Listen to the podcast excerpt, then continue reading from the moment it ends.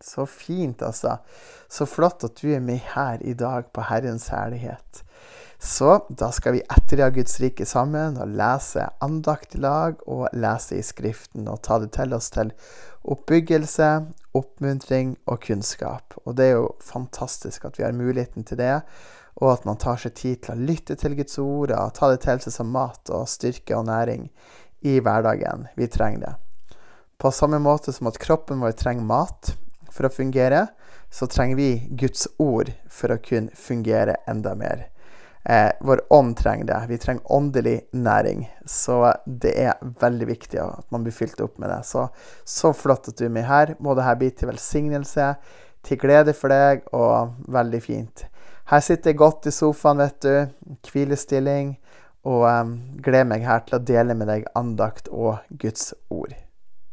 Da setter vi i gang. Halleluja. da gjør vi det. All right. Ja. Velsignelsene av å følge Gud. 2. Korinter 9,8. Gud er mektig til å la all nåde komme til dere i overflod, så dere alltid og i alle forhold skal ha nok av alt som trengs, og kan ha overflod til all god gjerning. Dagens vers er Salme 84, 12. For Herren Gud er sol og skjold. Herren gir nåde og herlighet. Intet godt vil han spare for dem som vandrer oppriktig. Dagens bibelkapittel er 4. Mosebok kapittel 4-6 av Lukas 23. I dag vil jeg gjerne snakke med deg om det nye mennesket i Kristus, og om de mange velsignelsene Gud gir oss når vi tror på ham. Som troende har vi blitt født på ny, og vi er nå en del av en ny familie, en familie som er ledet av Jesus Messias selv. Og I Korinterbrevet 5,17 står det om noen er i Kristus, er det en ny skapning. Det gamle er forbi, se alt er blitt nytt. Dette verset minner oss om at når vi er blitt født på nytt i Kristus Messias, blir vi nye skapninger. Vi kan legge våre gamle vaner og vårt gamle liv bak oss og begynne å leve et liv som er i samsvar med Guds vilje. Gud ønsker å gi oss mange velsignelser når vi tror på ham. En av de største velsignelsene er at vi nå har evig liv. Johannes 3, 16 sier, For så har Gud elska verden, at han ga sin sønn den enbårne, for at verden som tror på han ikke skal gå fortapt, men har evig liv.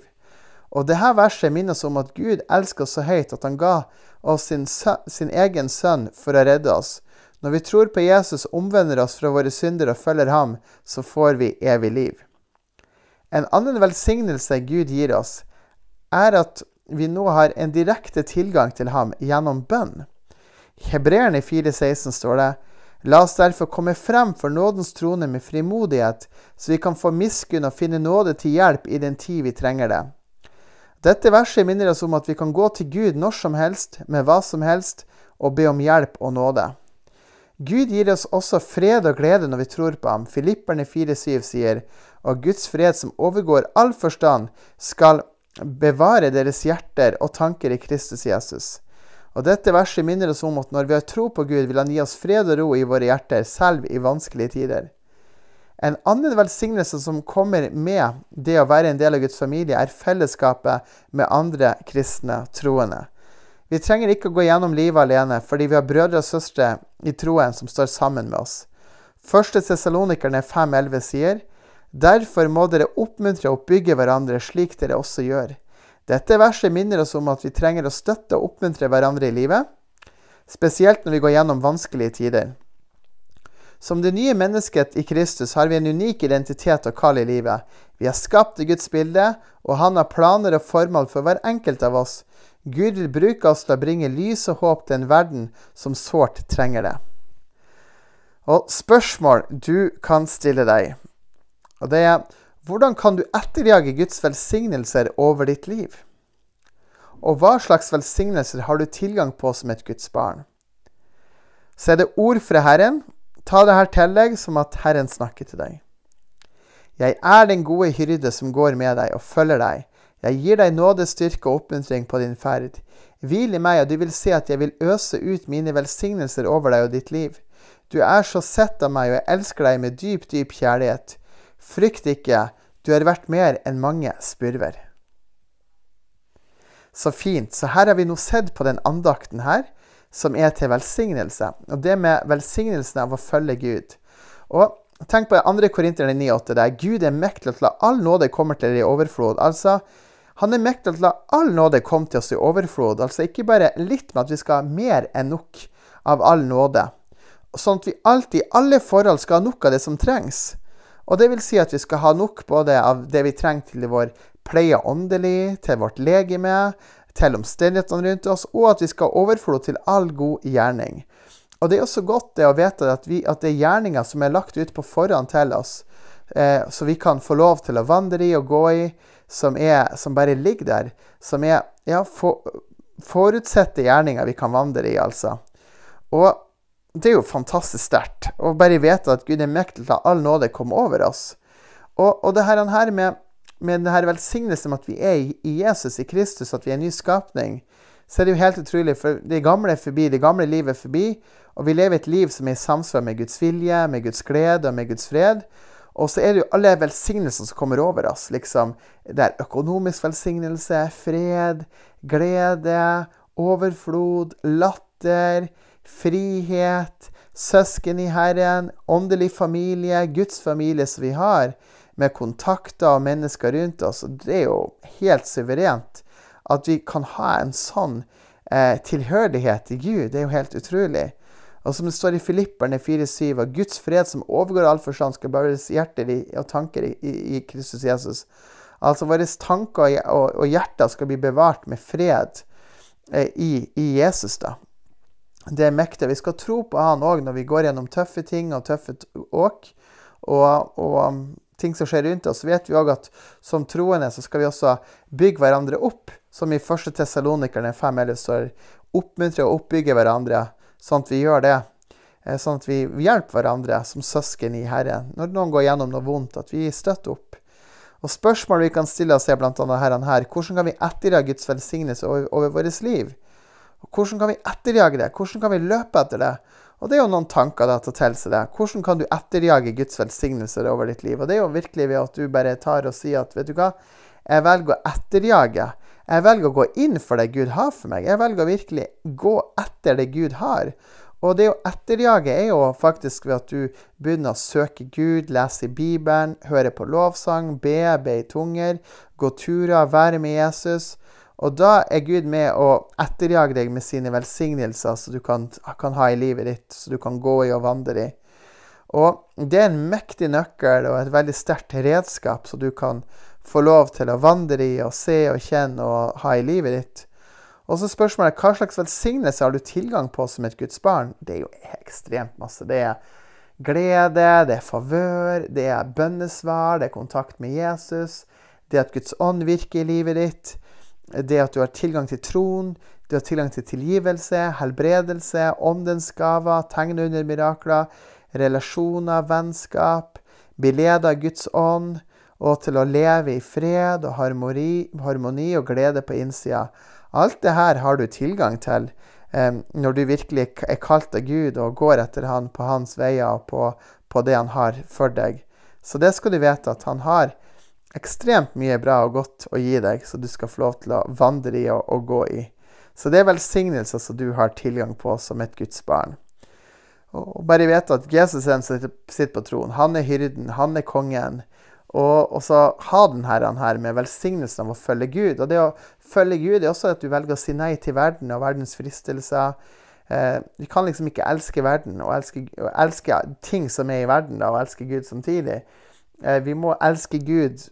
Det er det vi må gjøre. Og, og gå etter hans velsignelse, og ikke etter det verden vil vi skal gå etter, eller forførelse. Men vi har kobla på Han. Så det å gå i velsignelsen av å følge Gud, det er å si nei til verden og ta opp sitt kors og så følge Jesus med sitt liv. Fornekte seg sjøl og gå etter Han og det Han har for deg i ditt liv.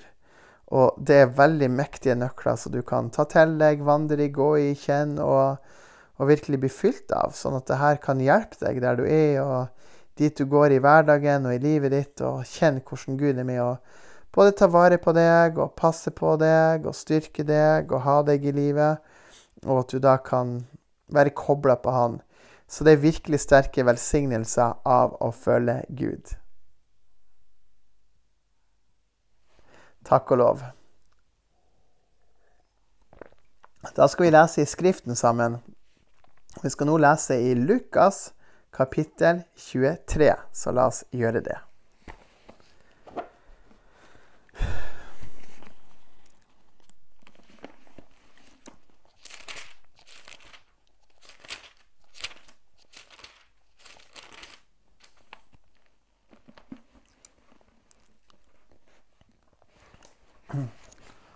Takk og lov, Jesus. Ja, da skal vi lese om det at Jesus blir overlatt til Pontus Pilatus. Vi skal lese om at Jesus blir stilt overfor Herodes. Vi skal lese om at Jesus skal dø. Barabas blir fri. Kongen på et kors. Jesus dør på korset. Og Jesus blir begravd i Josefs grav. Dette er jo evangeliet. Veldig, veldig sterkt. La oss lese det sammen. Lukas kapittel 23. Jesus blir overlatt til Pontius Pilatus. Da brøt hele forsamlingene opp og førte ham til Pilatus. De begynte å anklage ham og sa, Vi fant denne som holdt på med å forderve folket. Han gir forbud mot å betale skatt til keiseren og sier at han selv er Kristus, Messias, en konge. Da spurte Pilatus ham, Er du jødenes konge? Han svarte ham, Du sier det. Så sa Pilatus til øverstepresten og folkemengden, Jeg finner ingen skyld hos denne mannen. Men de ble enda mer påståelige og sa, Han oppvigler folket ved å undervise over hele Judea. Han begynte i Galilea og er nå kommet til dette stedet. Jesus blir stilt overfor Herodes. Da Pilatus hørte om Galilea, spurte han om denne mannen var galileer. Så snart han fikk vite at han tilhørte Herodes' myndighetsområde, sendte han Jesus til Herodes, som også var i Jerusalem på den tiden. Da Herodes så Jesus, ble han svært glad, for han hadde i lang tid ønsket å få se ham, for han hadde hørt mye om ham og håpet å få se han gjøre et eller annet tegn. Så spurte han ham ut med mange ord, men Jesus svarte han ingenting. Øverstepresten og de skriftlærde sto der og anklaget ham voldsomt. Herodes og soldatene hans behandlet han da med forakt og spottet ham. De kledde ham i en praktfull kappe og sendte han tilbake til Pilatus. Denne samme dagen ble Pilatus og Herodes venner med hverandre. Tidligere hadde de nemlig vært fiendskap mellom dem. Jesus skal dø, Barabbas blir fri.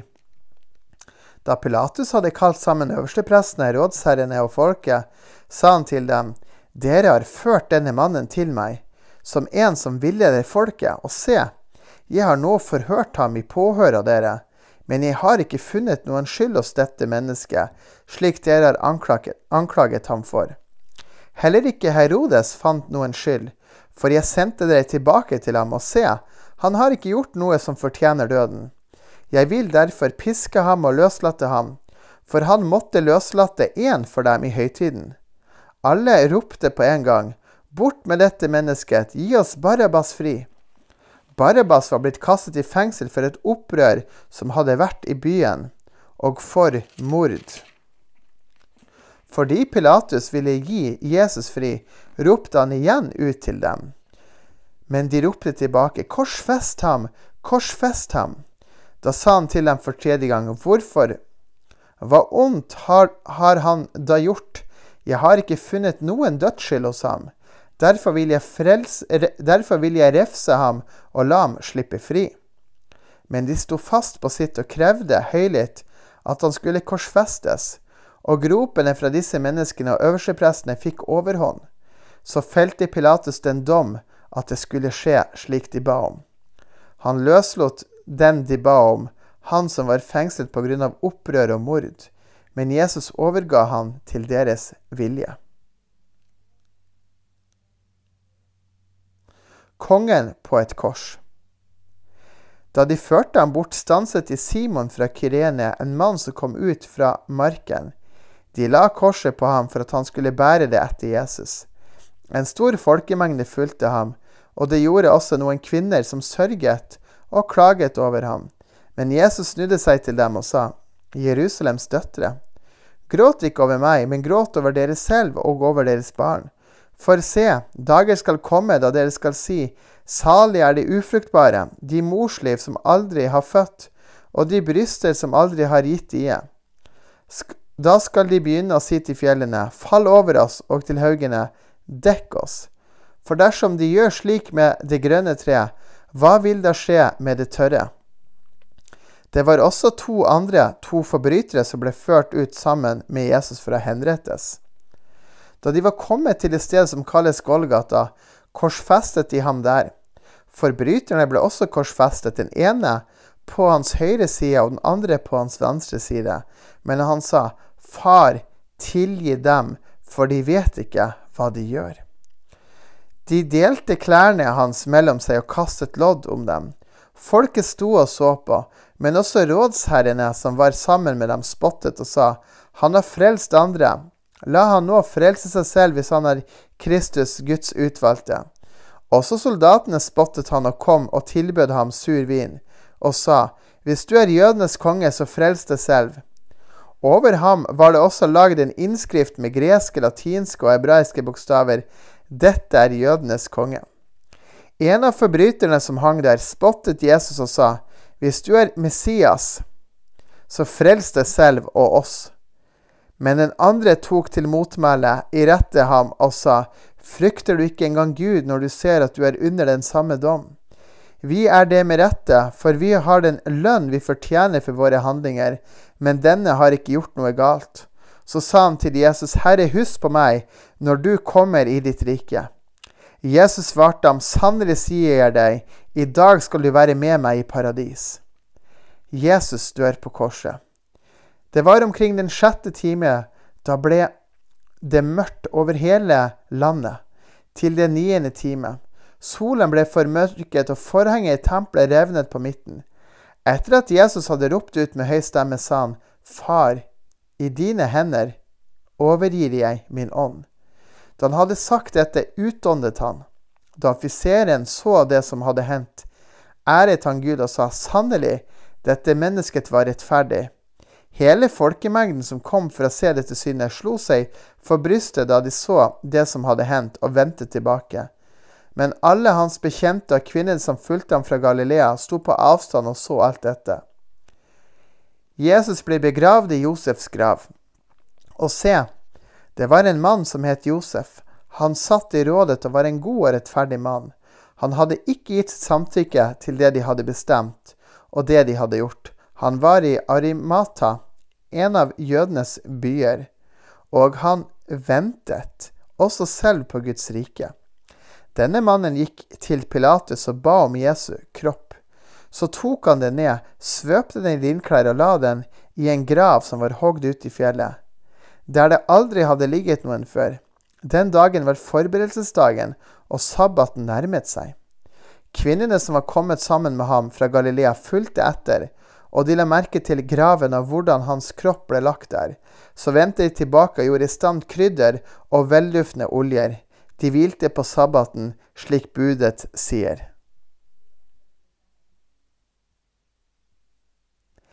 Ja, fantastisk sterkt det her å lese.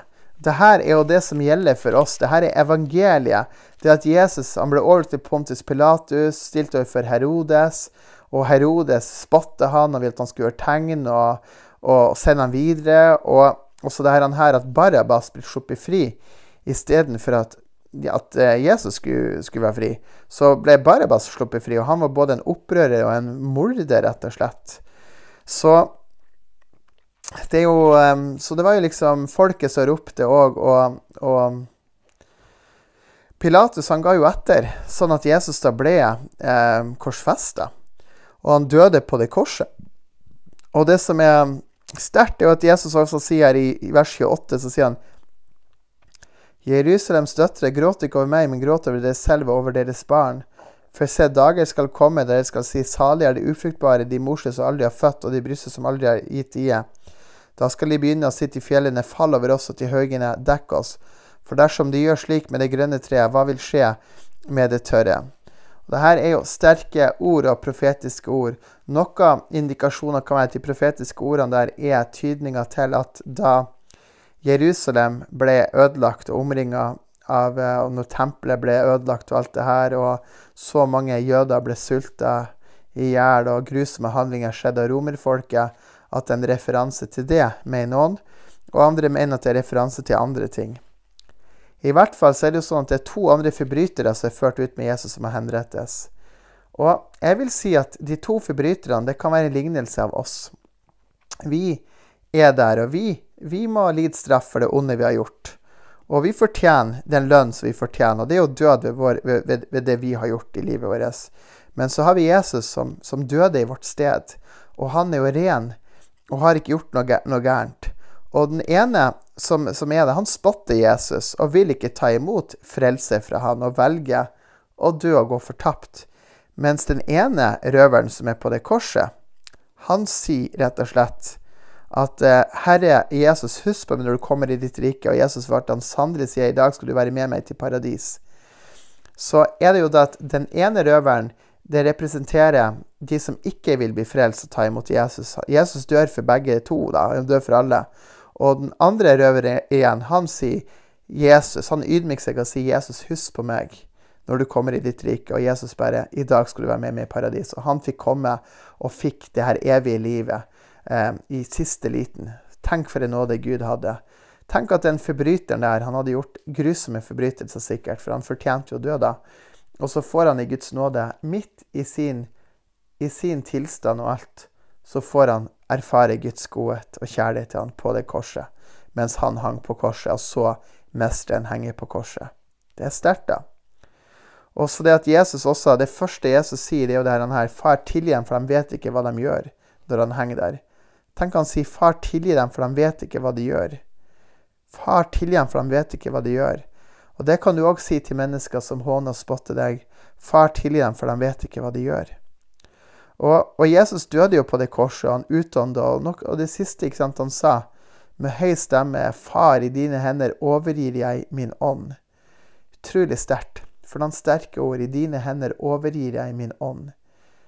Jesus var lydig helt til døden, altså. Han valgte å følge Gud. Og så ser vi òg han Josef fra Kireine, som, som hadde favør og fra Og som kunne være med, og så tok da og Ja. Eh, som tok rett og slett og bærte det korset òg for, eh, for, for Jesus, da, på den måten. At han bærte det. Og det var da Simon fra Kyreine, unnskyld, som bærte det korset når Jesus skulle gå og korsfestes. Og han ble tvunget til det. Så har vi også Josef, Josef fra Arimathea, som da ikke gikk med på det som skjedde, og som faktisk sørga for å få kroppen til Jesus og tok vare på det, og da fant en, en, en flott grav som, han, som var virkelig kongen verdig, da, som han kunne, kunne ha eh, legeme i. det. Veldig sterkt, det hele. Veldig sterkt. Så her er evangeliet. Amen. Sterkt å lese. Man blir jo gira inspirert av det her. Det er jo fantastisk. For noen nyheter, for noen ord, for en forløsning, for en, for en konge vi har. For en frelser vi har. Det er jo helt mektig. Virkelig. Så skal vi lese da i eh, Fjerde Mosebok. Skal vi ta og lese det som står der. Skal vi gå til Fjerde Mosebok. Bla med meg hvis du kan. Amen. Takk, Jesus. Halleluja.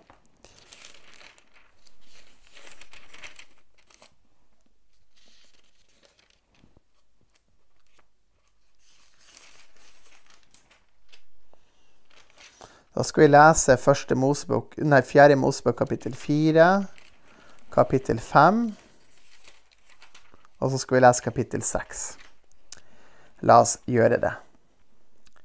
Fjerde Mosebok kapittel fire, fem og seks. Og, og fjerde Mosebok kapittel fire så er det jo ansvaret til Ketas sønner, ansvaret til Gersjons sønner, ansvaret til Meriras sønner, folketelling av levitene skal vi lese om. Kapittel 5 så er det spedalske urene bort fra leiren, bekjennelse av synd og erstatning, koner som mistenkes for utroskap, og i kapittel 6 loven om nasirerne og, og Herrens velsignelse. Så det skal vi få lov til å gjøre. Så yes.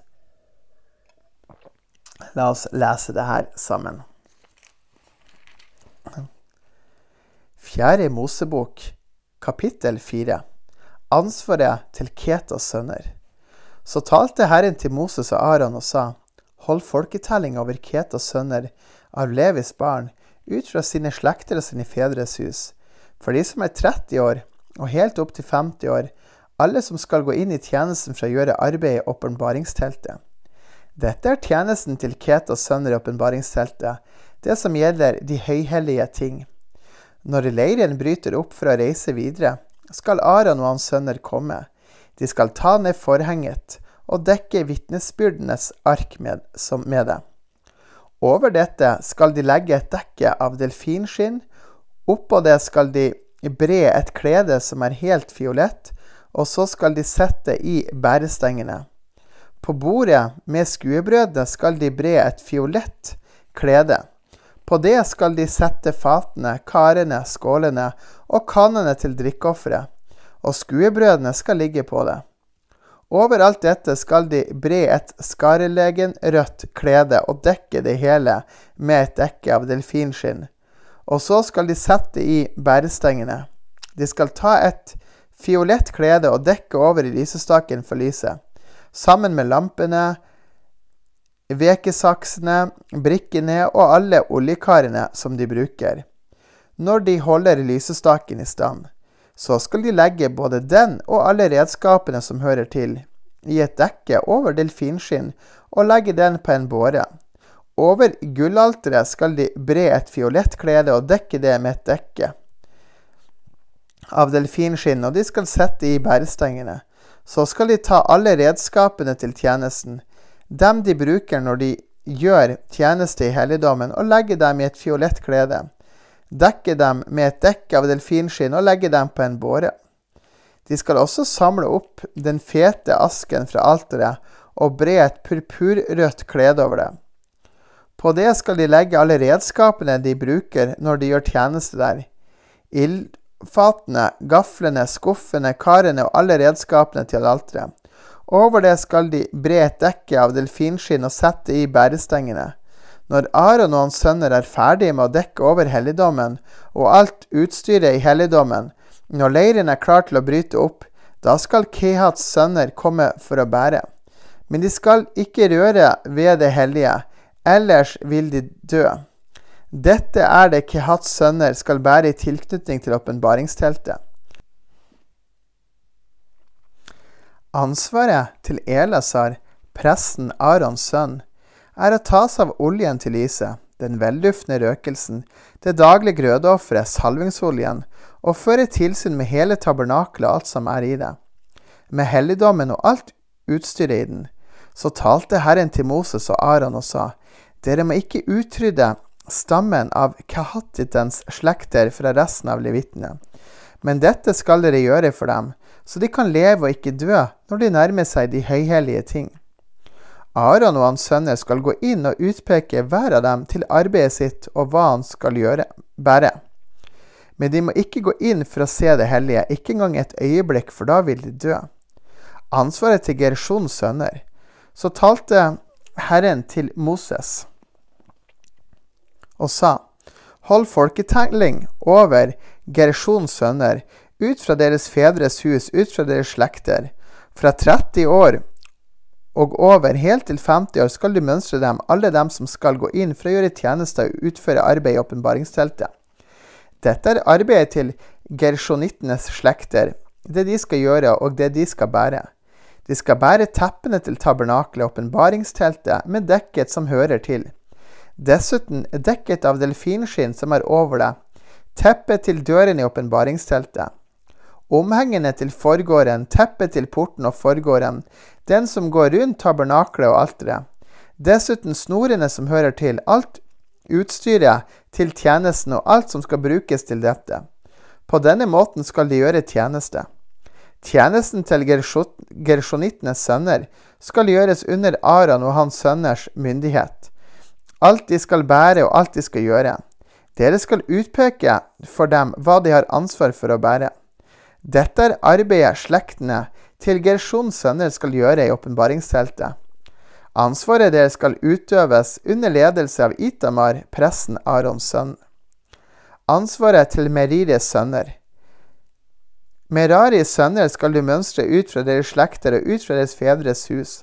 Fra 30 år over, helt til 50 år, skal du mønstre dem, slik dem som skal gå inn i tjenesten for å utføre arbeid i åpenbaringsteltet. Dette er det de har ansvar for å bære i sin tjeneste i åpenbaringsteltet. Plankene til tabernaklet, tverrbjelkene, søylene og soklene som hører til.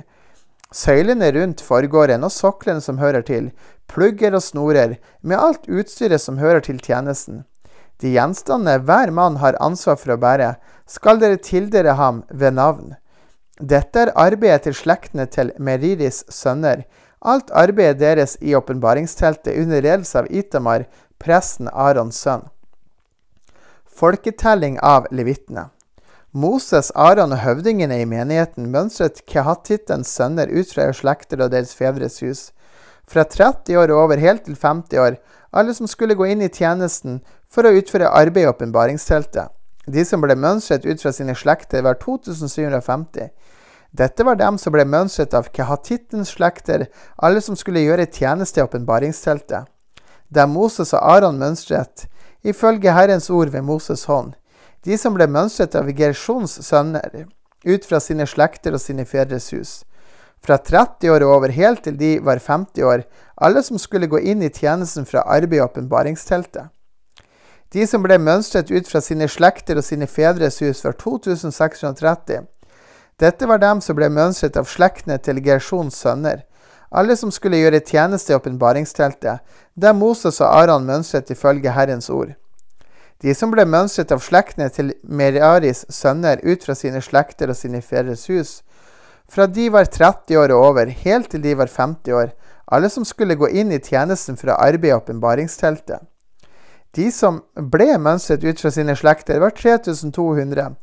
Dette var dem som ble mønstret av slektene til Meraris sønner, som Moses og Aron mønstret ifølge Herrens ord, ved Moses' hånd.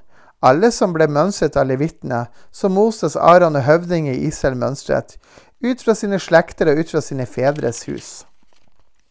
Fra de var 30 år over, helt til de var 50 år. Alle som skulle gjøre arbeidet med tjenesten og arbeidet med å bære utstyret i åpenbaringsteltet. De som ble mønstret, var 8580. Ifølge Herrens ord ble de mønstret ved Moses' hånd, hver ut fra sitt arbeid og gå ut fra det de skulle bære. De ble mønstret av ham, slik Herren hadde befalt Moses. Kapittel 5 Spedalska urene bort fra leiren. Herren talte til Moses og sa, Befal Israels barn at de skal sende bort fra leiren alle som har en ondartet hudsykdom, eller som har utflod, og alle som er blitt uren ved lik. Både mann og kvinne skal dere sende bort, utenfor leiren skal dere sende dem, så de ikke gjør leirene deres urene. Der jeg bor midt iblant dem. Israels barn gjorde dette, de sendte dem utenfor leiren, som Herren hadde talt til Moses. Slik gjorde Israels barn. Bekjennelse av synd og erstatning. Så talte Herren til Moses og sa, Si til Israels barn, når en mann eller en kvinne faller i noen av alle de synder som mennesket kan gjøre i sin troløshet mot Herren, og dette mennesket blir skyldig, da skal de bekjenne den synden de har falt i. Enhver skal gi full erstatning for sin skyld legge til en femtedel og gi det til den han har gjort galt mot. Men hvis mannen ikke har noen nær slektning som kan ta imot erstatning for det som er gjort, da skal erstatningen for det som er gjort galt, tilhøre Herren. Det skal tilfalle pressen, i tillegg til soningsvern, som skal gjøre soning for ham. Hver gave av alt det hellige som Israels barn kommer fram med til pressen, skal være hans, og hver manns hellige gaver skal tilhøre ham, det en mann gir til pressen, skal tilhøre ham. Koner som mistenkes for utroskap. Herren talte til Moses og sa:" Tal til Israels barn og si til dem, hvis en manns kone går på avveier og viser utroskap mot ham, og en annen mann har samleie med henne for sædutløsning, og det holdes skjult for hennes manns øyne, og det dekkes over at hun har gjort seg uren, og det ikke var noen vitner mot henne, og hun heller ikke ble grepet, hvis da en ånd av sjalusi kommer over ham, slik at han blir sjalu på sin kone som har gjort seg uren, eller om en ånd av sjalusi kommer over ham slik at han blir sjalu på sin kone selv om hun ikke har gjort seg uren, Da skal mannen ta sin kone med seg til presten. Han skal føre frem den offergaven som kreves for henne, en tiendedel av en efa byggmel. Han skal ikke helle olje på det og ikke legge røkelse på det, for det er et grødoffer for sjalusi, et offer til påminnelse som gir påminnelse om en misgjerning. Presten skal føre henne frem og stille henne frem for Herrens ansikt. Presten skal ta hellig vann i lerkar, så skal presten ta noe av støvet fra gulvet i tabernakene og legge det i vannet. Så skal presten stille kvinnen fremfor Herrens ansikt, blotte kvinnens hode og legge påminnelsesgrødofferet i hendene på henne. Det er et grødoffer for sjalusi, og presten skal ha det bitre vannet i sin hånd, det som bringer forbannelse. Presten skal få henne til å sverge, og han skal si til kvinnen, hvis ingen annen mann har ligget med deg, og hvis du ikke har gått på avveier og gjort det uren, du som tilhører din egen mann, da skal du gå klar av dette bitre vannet som ringer forbannelse. Men hvis du har gått på avveier, du som tilhører din egen mann, og hvis du har gjort deg uren og en annen mann enn din ektemann har ligget med deg, så skal pressen få kvinnen til å avlegge forbannelsens ed, og pressen skal si til kvinnen, må Herren da gjøre deg til en forbannelse og en besvergelse blant ditt folk når Herren lar dine hofter svinne bort og din bulk svelle opp. Og må dette vannet som bringer forbannelse, komme inn i din mage og få din buk til å svelle opp og dine hofter til å svinne bort, så skal kvinnen si amen. Må det bli slik. Så skal presten skrive ned disse forbannelsene i en bokrull, og så skal han viske dem ut i det bitre vannet. Han skal la kvinnen drikke det bitre vannet som ringer forbannelse, og vannet som ringer forbannelse, skal komme inn i hendene for å volde bitter smerte. Så skal presten ta grødeofferet for sjalusi fra kvinnens hånd. Han skal løfte grødeofferet for Herrens ansikt og komme frem til alteret med det. Presten skal ta en håndfull av grødeofferet som et påminnelsesoffer, la det gå opp i røyk og alteret og la kvinnen drikke vannet etterpå. Når han har fått henne til å drikke vannet, skal det skje hvis hun har gjort seg uren og vist utroskap mot sin mann, mann, da skal vannet som bringer forbannelse, komme inn i henne og volde bitter smerte. Hennes bull skal svelle opp, hennes hofte skal svinne bort, og kvinnen skal bli en forbannelse blant sitt folk. Men hvis kvinnen ikke har gjort seg uren og hun er ren, da skal hun være fri fra skade og unngå eh, og unnfange barn, og kan unnfange barn. Dette er loven om sjalusi når en kvinne som tilhører sin mann, går på avveier og gjør seg uren eller når en ånd av sjalusi kommer over en mann så han blir sjalu på sin kone. Da skal han stille kvinnen fremfor hennes ansikt, og pressen skal gjennomføre hele det, denne loven på henne. Så skal mannen gå klar av misgjerninger, men denne kvinnen skal bære skyld. Kapittel 6 Loven om nasirere. Herren talte til Moses og sa:" Tal til Israels barn og si til dem, når en mann eller en kvinne innvier et offer for å avlegge et nasirerløfte, for å vie seg til Herren, skal de avholde seg fra å bruke vin og sterk drikk.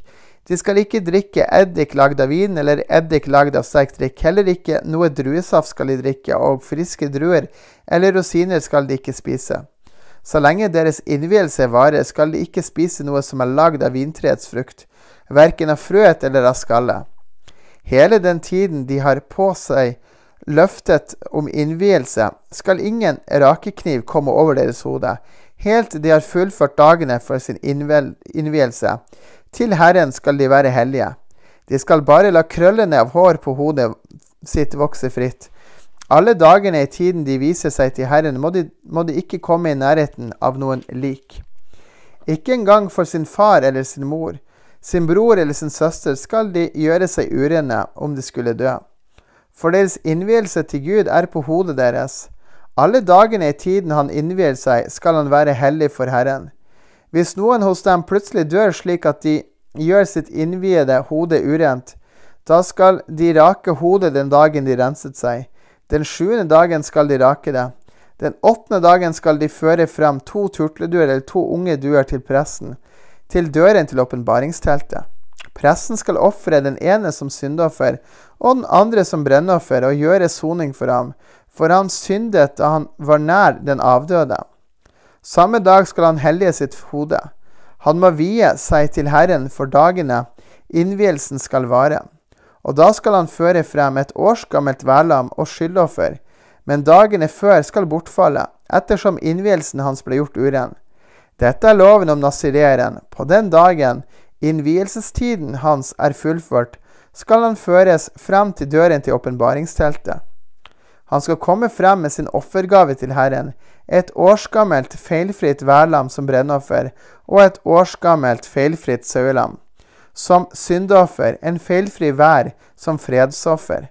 En kurv med usyret brød, kaker av fint mel blandet med olje, usyrede brødleiver, smurt med olje sammen med grødoffer og drikkeoffer som hører med. Så skal presten komme frem med det for Herrens ansikt og ofre syndeofferet og brennofferet hans. Væren skal han ofre som fredsoffer for Herren, sammen med kurven med usyret brød. Presten skal også ofre grødoffer og drikkeofre. Så skal nasireren der ved døren til åpenbaringsteltet rake hodet som han har innviet. Han skal ta håret fra hodet han har innviet, og legge det på ilden som er under fredsofferet. Og pressen skal ta den ene bogen av væren når den er kokt, en usyret kake fra kurven og en usyret brødleiv, og legge det i hendene på nasireren etter at han har rakt av håret han har innviet. Pressen skal løfte dette, løfte dette som et løfteoffer for Herrens ansikt. Dette er hellig for pressen, sammen med brystet fra løfteofferet og låret fra gaven. Etter dette kan nasireren drikke vin. Dette er loven om en, om en nasirer som avlegger et løfte om å gi en offergave til Herren sammen med sin innvielse, i tillegg til det han ellers har råd til. Slik han avlegger løftet, må han oppfylle loven om nazirerløftet. Herrens velsignelse. Herren talte til Moses og sa, Tal til Aron og hans sønner og si, slik skal dere velsigne Israels barn, si til dem, Herren velsigne deg og bevare deg. Herren la sitt ansikt lyse over deg og være deg nådig. Herren løfte sitt åsyn på deg og gi deg fred. Slik skal de legge mitt navn på Israels barn, og jeg skal velsigne dem. På hebraisk så er det jo når han Herrens velsignelse er Ja er Adonai panavalecha Ja, Isa Adonai panavalecha Så der hadde vi det på hebraisk. Jeg bare taler det over deg. Og det er klart at det vi leser her, Eh, med i det kapitlet. Det er jo mye brutalitet, absolutt. Og det her er jo den gamle pakten, Det gamle testamentet, jødedom. Det her er ikke det som er i den nye pakten, at de her reglene gjelder i forhold til eh, mistenkelse av utroskap osv. Og, så og sånt. Det tilhører den gamle pakten. Så det er jo greit. Men det er kraftig Guds ord, vi kan lese det, og det er mye godt. Og så vet vi at Herrens velsignelse, det brukes i forhold til å Ja, i menigheter rundt omkring at de leser det, og det er en veldig sterk velsignelse. Så den aronittiske velsignelsen brukes, og da er det viktig at vi liksom ser på Skriften, på Gamle testamentet, gjennom korset, gjennom Jesus. Og det er veldig viktig, sånn at du ikke blander loven og nåden. Takk for at du var med og så på. Gud velsigne deg, og takk for at du lytter på. Vi ses.